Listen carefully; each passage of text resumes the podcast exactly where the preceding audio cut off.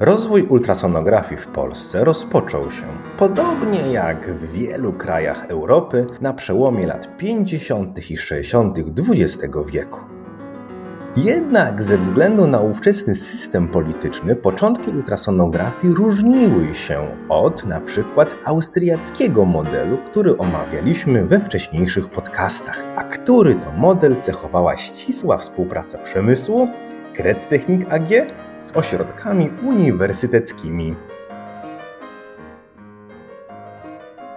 W powojennej Polsce kolebką ultrasonografii stał się Instytut Podstawowych Problemów Technicznych Polskiej Akademii Nauk. W latach 60. XX wieku w całym kraju istniało już osiem regionalnych ośrodków w Gdańsku, Poznaniu, Zabrzu, Gliwicach, Warszawie, Łodzi, Rzeszowie i Krakowie, zajmujących się różnymi obszarami badań i rozwoju ultradźwięku. Obejmowały one m.in. rozwój technik pomiarowych, konstrukcji przetworników oraz prób stosowania ultradźwięków nie tylko w medycynie, ale początkowo przede wszystkim w rolnictwie i przemyśle. Niewątpliwym pionierem polskiej ultradźwiękowej diagnostyki medycznej był profesor Leszek Filipczyński. To dzięki jego działalności ultradźwięki, które w powojennej Polsce początkowo były stosowane w przemyśle do badań materiałów, zaczęto aktywnie wykorzystywać również w medycynie. Profesor Leszek Filipczyński urodził się 23 grudnia 1923 roku w Łodzi. Po wojnie studiował na trzech uczelniach i uzyskał tytuł magistra inżyniera radiotechniki. Leszek Filipczyński razem z profesorem Ignacym Maleckim zorganizowali pracownię akustyczną, która w 1953 roku została włączona do Instytutu Podstawowych Problemów Techniki Polskiej Akademii Nauk.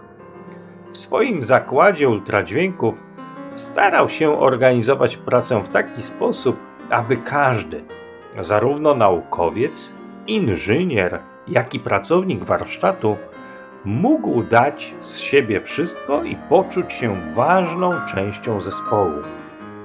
I takie działanie bardzo szybko przyniosło efekty, których mógł nam pozazdrościć cały świat, bo to właśnie pod kierownictwem profesora Filipczyńskiego już w 1966 roku wyprodukowano pierwszy polski ultrasonograf, który, co warto zaznaczyć, był jednocześnie czwartym ultrasonografem na świecie.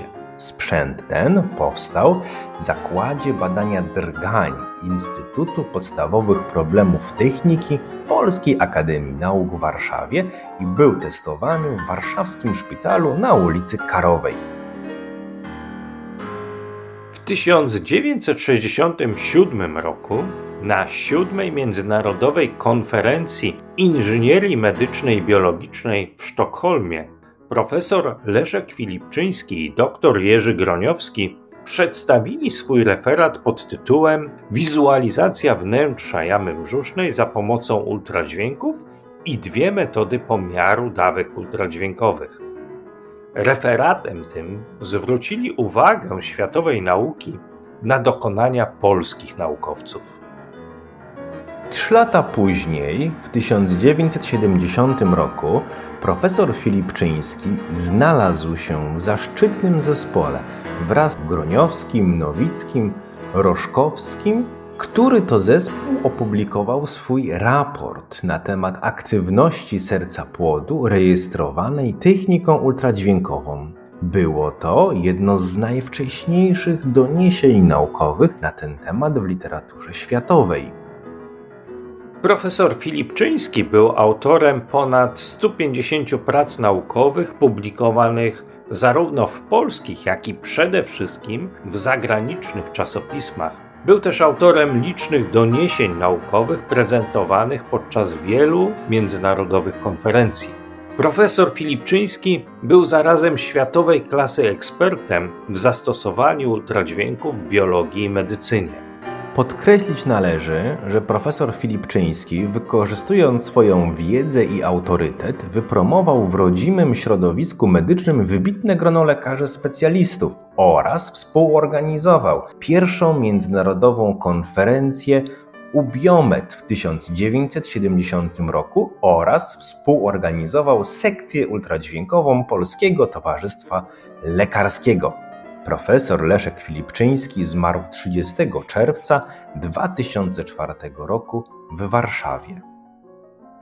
Bez wątpienia kolejnym wybitnym pionierem polskiej ultrasonografii jest dobrze znany Rzeszy współczesnych polskich ultrasonografistów profesor Andrzej Nowicki, kierownik Zakładu Ultradźwięków Instytutu Podstawowych Problemów Techniki Polskiej Akademii Nauk w Warszawie. Zarówno profesor Filipczyński, jak i profesor Nowicki w 1988 roku otrzymali nagrodę Pioneer Award in Ultrasound od Światowej Federacji Ultradźwięków w Medycynie i Biologii, czym potwierdzono ich wyjątkowy wkład w rozwój światowej ultrasonografii w medycynie. Na początku lat 90. XX wieku z inicjatywy profesora Wiesława Jakubowskiego powstało Polskie Towarzystwo Ultrasonograficzne, skupiające wzorem innych towarzystw, które powstawały wcześniej na całym świecie, ultrasonografistów, którzy byli jednocześnie lekarzami najróżniejszych specjalności. Mówiąc o rozwoju polskiej myśli ultrasonograficznej, należy też wspomnieć o producentach polskich ultrasonografów, w tym przede wszystkim o najstarszej polskiej firmie produkującej aparaty USG, czyli firmie Echoson oraz firmie Dramiński, producencie przenośnych aparatów USG, w tym ultrasonografów o bardzo wysokiej częstotliwości do badania skóry.